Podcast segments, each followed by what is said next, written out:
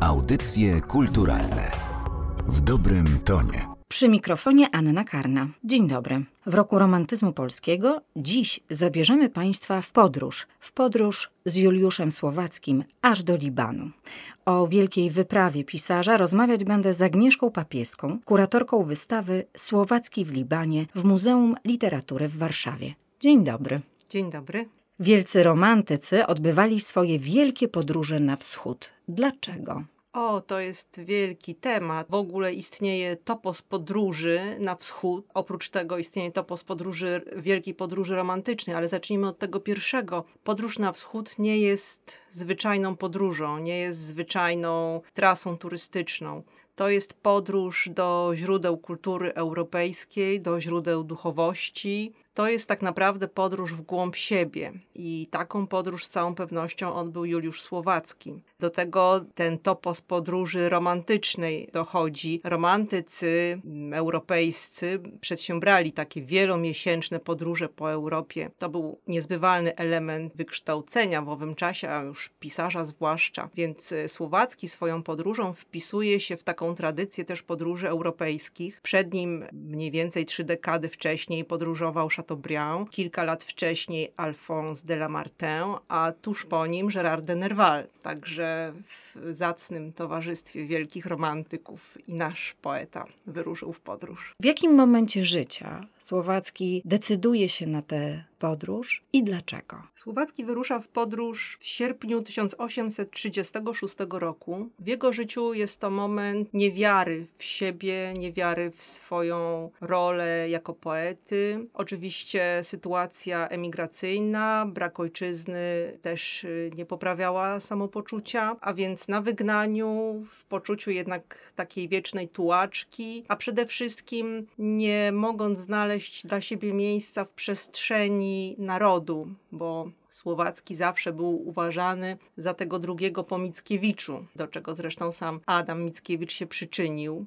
Jak? Kiedy Słowacki wydał swój pierwszy tom wierszy, to Mickiewicz określił poezję Słowackiego, że jest to Kościół, ale bez Boga. No to był mocny cios, bo to oznacza, że frazy, słowa, konstrukcje, forma tej poezji jest bardzo piękna, to Mickiewicz docenił, ale pusta, bez, właśnie bez, bez, bez ducha, bez duszy. Nie można powiedzieć chyba nic bardziej dotkliwego o poecie, który zresztą potem będzie autorem Króla Ducha i dla którego duchowy wymiar narodu będzie coraz ważniejszy. Ale łatka raz przyklejona przywarła do płaszcza słowackiego i jednak już trochę szedł z nią przez życie. O jego nastroju świadczą wiersze, które pisał w tym czasie. E, zaczynamy wystawę pokazując wiersz bardzo znany, hymn, ale chcemy go pokazać na początku wystawy, czy przypomnieć, żeby uprzytomnić właśnie ten stan ducha poety, który zmieni się diametralnie po podróży. Ale przypomnijmy, że hymn zaczyna się od słów smutno mi Boże i te słowa powracają wielokrotnie. I to jest rzeczywiście stan ducha poety pogrążonego w melancholii, w, w niewierze. Wiersz ten jest też elementem podróży, jest y, jednym z jego efektów. Został napisany na morzu przed Aleksandrią, o czym informuje sam poeta pod wierszem. I kiedy przeczyta się ten wiersz y, na początku wystawy,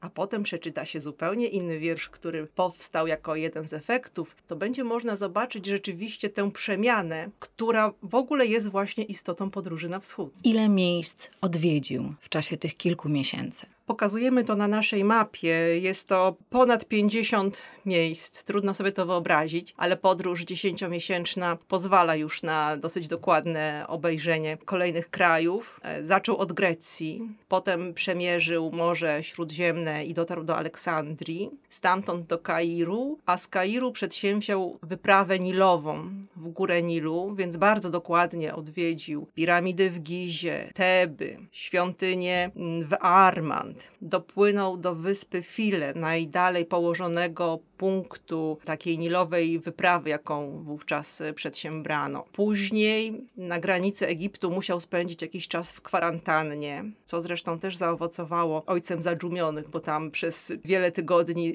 czekając na możliwość dalszej podróży spotkał ludzi i poznał historie, które później zaowocowały właśnie chociażby ojcem zadżumionych. A potem ruszył w dalszą podróż do Ziemi Świętej. Tam zwiedził bardzo dużo miejsc i z Ziemi Świętej podróż już prowadziła do Libanu. Jechał konno. I tam też odwiedził miejsca znane już wcześniej sobie z albumów, chociażby fotograficznych, które w owym czasie były w takich y, bardziej wykształconych rodzinach.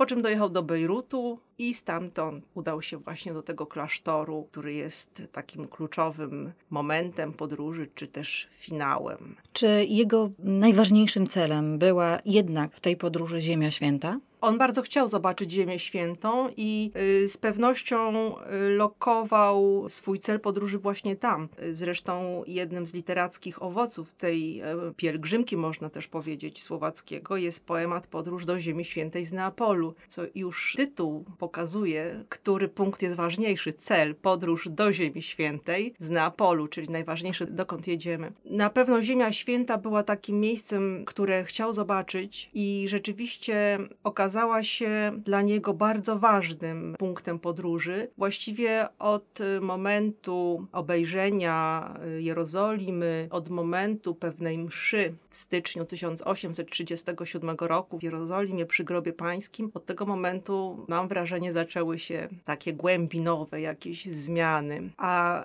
w Jerozolimie przy Grobie Pańskim miała miejsce bardzo szczególna noc, którą on opisał w listach do matki. To była noc, w której on poeta, służył do mszy za ojczyznę. W listach nazywa tę mszę, że to była msza za kuzynkę, no ale był to język ezopowy, chodziło o ojczyznę. Służył do mszy księdzu Maksymilianowi Rylle. Ksiądz Maksymilian Ryło jest postacią niezwykle tajemniczą, bardzo ważną, bardzo też znaną w Bejrucie. To był emisariusz polityczny, misjonarz. On jako ksiądz katolicki szerzył chrześcijaństwo na tych terenach Azji i ta znajomość poety z księdzem Ryło miała daleko idące konsekwencje, ponieważ to właśnie ksiądz Ryło zachęcił Słowackiego do tego, by spędził jakiś czas w klasztorze maronitów. Natomiast wróćmy jeszcze na moment do tej nocy spędzonej w przygrobie pańskim podczas mszy, bo tu rzeczywiście Słowacki, który nie był jakimś człowiekiem przesadnie religijnym, na pewno niedewocyjnym, doświadczył rzeczywistości religijnej. To znaczy, to było takie doświadczenie rzeczywiście religijne, które zaowocowało później Angelim. Gdyby chcieć uchwycić ten moment, na czym polega e, ten związek pomiędzy Angelim a doświadczeniem religijnym, to trzeba by powiedzieć o ofierze ponieważ istotą mszy jest ofiara i wiara w to, że ta ofiara przynosi jakąś zmianę w świecie, znaczy, że ma sens po prostu. To był moment niezwykle istotny dla konstrukcji bohatera Angelego, co już nastąpi za chwilę. Po tym doświadczeniu udał się do klasztoru maronitów w Gazir, 30 km od Bejrutu, żeby tam po tych kilku miesiącach podróży w spokoju móc zebrać myśli, wrażenia i tak się stało. Słowacki w klasztorze wciąż jest. A tak, oczywiście. Słowacki w klasztorze jest, e, ponieważ od 20 lat istnieje tam maleńkie muzeum, czy tak naprawdę jedna cela poświęcona upamiętnieniu e, poety w tym miejscu. Jest tam maleńka wystawa przygotowana e, przez Jolantę Pol, dawną kustoszkę Muzeum Literatury. Ta wystawa teraz zostanie odnowiona, będzie jej nowa odsłona jesienią tego roku, więc ta wystawa, którą możemy oglądać w Warszawie, Warszawie jest niejako możliwością dla naszej polskiej publiczności zobaczenia też tego, co będzie na wystawie stałej już od jesieni w klasztorze w, w Gazir. Tak, tam w tym klasztorze jest jedna maleńka celka poświęcona właśnie upamiętnieniu Słowackiego. Na ścianie jest tablica, że w tym miejscu polski poeta Juliusz Słowacki przebywał w 1837 roku i tu pisał swój poemat Angeli. I rzeczywiście tak było. Muszę powiedzieć, że znalezienie się w tej celi naprawdę bardzo, bardzo maleńkiej, z jednym maleńkim okienkiem, ale przez które wpada to wspaniałe światło libańskie, z drzwiami też wychodzącymi na dziedziniec, który jest niezadaszony, więc słoneczny, robi przejmujące wrażenie, kiedy się pomyśli, że 185 lat temu w tym miejscu y, był polski poeta, pisał Angellego, którego teraz możemy czytać. No to jest niesamowite wrażenie i myślę, że każdy, kto trafi tam, no oczywiście to jest daleka podróż, ale są przecież podróżnicy, którzy i do Libanu trafiają. Dzięki uprzejmości mnichów e, można tę celę oglądać. W czasie swojej podróży opisywał ją w swoich dziennikach, między innymi w Raptularzu Wschodnim, dziś uważany za jeden z najważniejszych zabytków literatury polskiej. Państwo na wystawie pokazują karty tego raptularza, zatem co się w nim znajduje? To jest jedno z dwóch podstawowych źródeł wiedzy o podróży słowackiego na wschód. To jest rodzaj notatnika, dziennika podróżnego. To rzeczywiście jest skarb, to jest skarb dziedzictwa polskiego, y, bo ten notatnik jest świadectwem podróży, ale też świadectwem warsztatu y, romantycznego poety podróżnika. Historia tego raptularza jest po prostu sensacyjna. Oryginał, rękopis raptularza do 1939 roku znajdował się w ordynacji Biblioteki Krasińskich w Warszawie. Wiosną 1939 roku został wypożyczony na wystawę w Krzemieńcu, która miała być 4 września. No, 4 września 1939 roku to już nie był czas na wystawę, tylko już trwała wojna i w pośpiechu rękopisy wypożyczone z Biblioteki Ordynacji Krasińskich były przez twórców tej wystawy pakowane po to, żeby je odesłać do Warszawy z powrotem. Potem wiadomo, że zbiory, przynajmniej część e, Biblioteki Ordynacji Krasińskich spłonęły w czasie działań wojennych, w czasie powstania i sądzono na tej podstawie, że Raptularz Wschodni również spłonął i że tego zabytku nie mamy. I dopiero w 2011 roku profesor Henryk Głębocki, który bada polityczne ślady działalności Juliusza Słowackiego, bo i takie jest zagadnienie, podczas jednej z kwerent w Bibliotece Państwowej w Moskwie natknął się na raptularz. Nie mógł uwierzyć własnym oczom, że, że, że to może być to zaginione dzieło słowackiego, ale konsultacje ze specjalistami potwierdziły to przepuszczenie, że istnieje, że, że ocalał, co oznacza, że nie wrócił do Warszawy, bo wtedy podzieliłby los e, innych rękopisów, które spłonęły, ale znalazł się w, wśród kilku dosłownie rękopisów, które zostały w Krzemieńcu rozprowadzone wśród zaprzyjaźnionych krzemieńczan po to, żeby no właśnie ocalały. I tak się właśnie stało z Rapturarzem Wschodnim. Ponieważ jest on niedostępny, nie możemy go obejrzeć, on jest uważany za stratę wojenną i próby odzyskania tego rękopisu no, nie przyniosły spodziewanych efektów, a jednocześnie jest to najlepsze źródło wiedzy o całej podróży słowackiego, tu są wiersze, tu są rysunki, dzięki temu rapturarzowi po prostu wiemy, jak przebiegała ta podróż geograficznie i twórczo. Duchowo. Duchowo także, oczywiście, jak również mnóstwo innych wierszy, mnóstwo rysunków. Skoro nie możemy zobaczyć oryginału, to postanowiliśmy pokazać na wystawie przynajmniej e, reprodukcję, za to w dokładnie takim samym formacie, żeby dać wyobrażenie naszym widzom o tym, jak ten zabytek kultury polskiej wygląda. Więc wybraliśmy prawie wszystkie karty, które świadczą o pobycie poety w Libanie i zresztą jest on bardzo e, interesująco reprezentowany w Raptularzu Wschodnim, bo i za pomocą rysunków, także akwarel i poprzez teksty utworów, poprzez notatki, legendy, mm, chociażby zasłyszane z ust mnichów. Wszystko to e, pokazujemy, żeby też mieć wgląd w te pięć tygodni słowackiego klasztorze Maronitów 30 kilometrów od Bejrutu. Jakie jeszcze dzieła pokazują na Państwa wystawie tę podróż poety? Na wystawie prezentujemy kilka oryginalnych prac, o tyle ciekawych, że widać na nich miejsca odwiedzane przez Słowackiego, grafiki z czasów też podróży słowackiego, czyli z roku 1836-7, więc y, można ruiny Palmiry na przykład, czy rysunki Egiptu, czy widoki Neapolu, a także Libanu z tego czasu zobaczyć na naszych grafikach.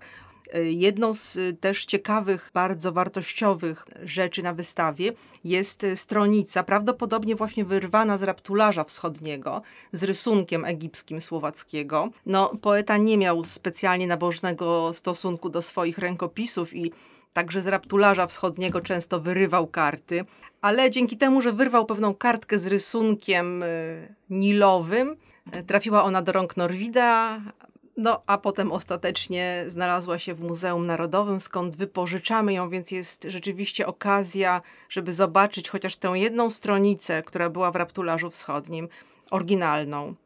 Y, pokazujemy kilka bardzo ciekawych, oryginalnych prac malarzy, którzy inspirowali się Angelim. Począwszy od takich niepozornych, ale ciekawych przez to, że rzadko można je oglądać, rysunków Malczeskiego, do, ilustracje do Angellego. Na naszej wystawie pokazujemy wypożyczone e, z Muzeum Narodowego szkice, rysunki, naprawdę takie, no widać, że robocze wręcz, Malczeskiego jako ilustracje do Angellego. E, wyjątkowa okazja, żeby zobaczyć prace, które na co dzień nie są pokazywane Również z naszych zbiorów y, jest maleńki rysunek Wyspiańskiego, obrazujący jedną ze scen Angellego. A jeśli chodzi o bardziej spektakularne dzieła, no to przede wszystkim tu chcę się pochwalić od razu naszym najnowszym nabytkiem, y, pastel Witolda Pruszkowskiego, Śmierć Angellego, z roku 1879.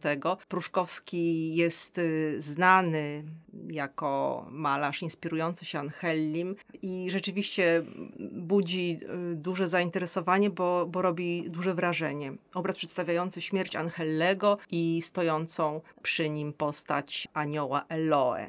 Angeli to bardzo tajemniczy utwór. Sam Słowacki podobno ostrzegał swoich przyjaciół przed Angelim. Tak, uznał, że jest to postać tak smutna, tak pełna rozpaczy, że nie widział porównywalnej właściwie.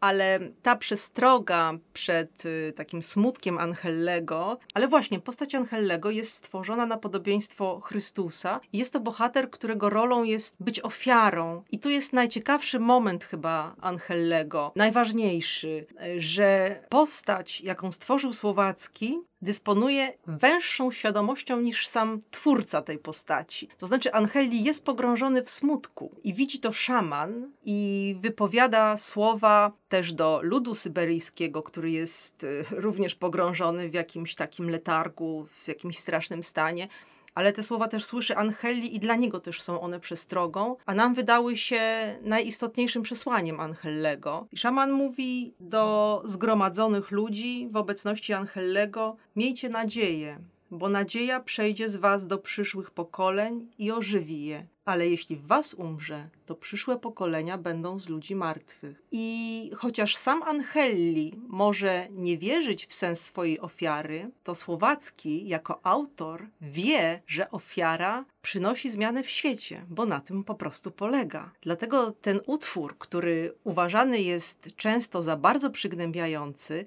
tak naprawdę jest utworem o nadziei. Tę wystawę można zamknąć w klamrę dwóch wierszy. O pierwszym powiedziałyśmy, smutno mi Boże. Jaki jest ten drugi wiersz? To jest testament mój, który również y, prawie wszyscy znamy, a który pokazuje już zupełnie innego poetę. To już jest zupełnie inny głos. Na przykład padają w tym wierszu słowa Płaszcz na moim duchu był niewyżebrany, lecz świetnościami dawnych moich przodków świetny. Tak mówi poeta, który znalazł już swoje miejsce w narodzie. Już wie, że jest tego narodu głosem, bo stoją za nim przeszłe pokolenia i on wie, że jest ogniwem w tym łańcuchu pokoleń, a nie miał tego przekonania, kiedy wyruszał w tę podróż.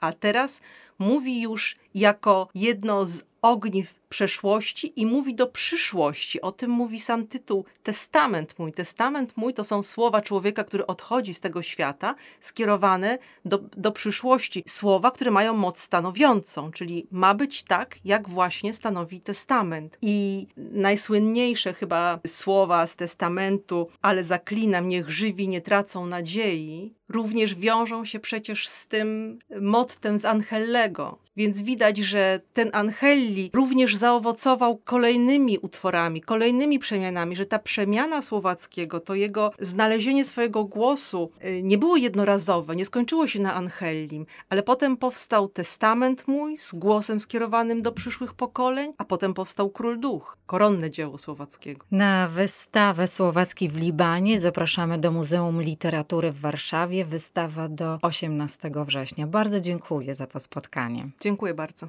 Gościem audycji kulturalnych była Agnieszka Papieska, kuratorka wystawy Słowacki w Libanie. Audycje kulturalne w dobrym tonie.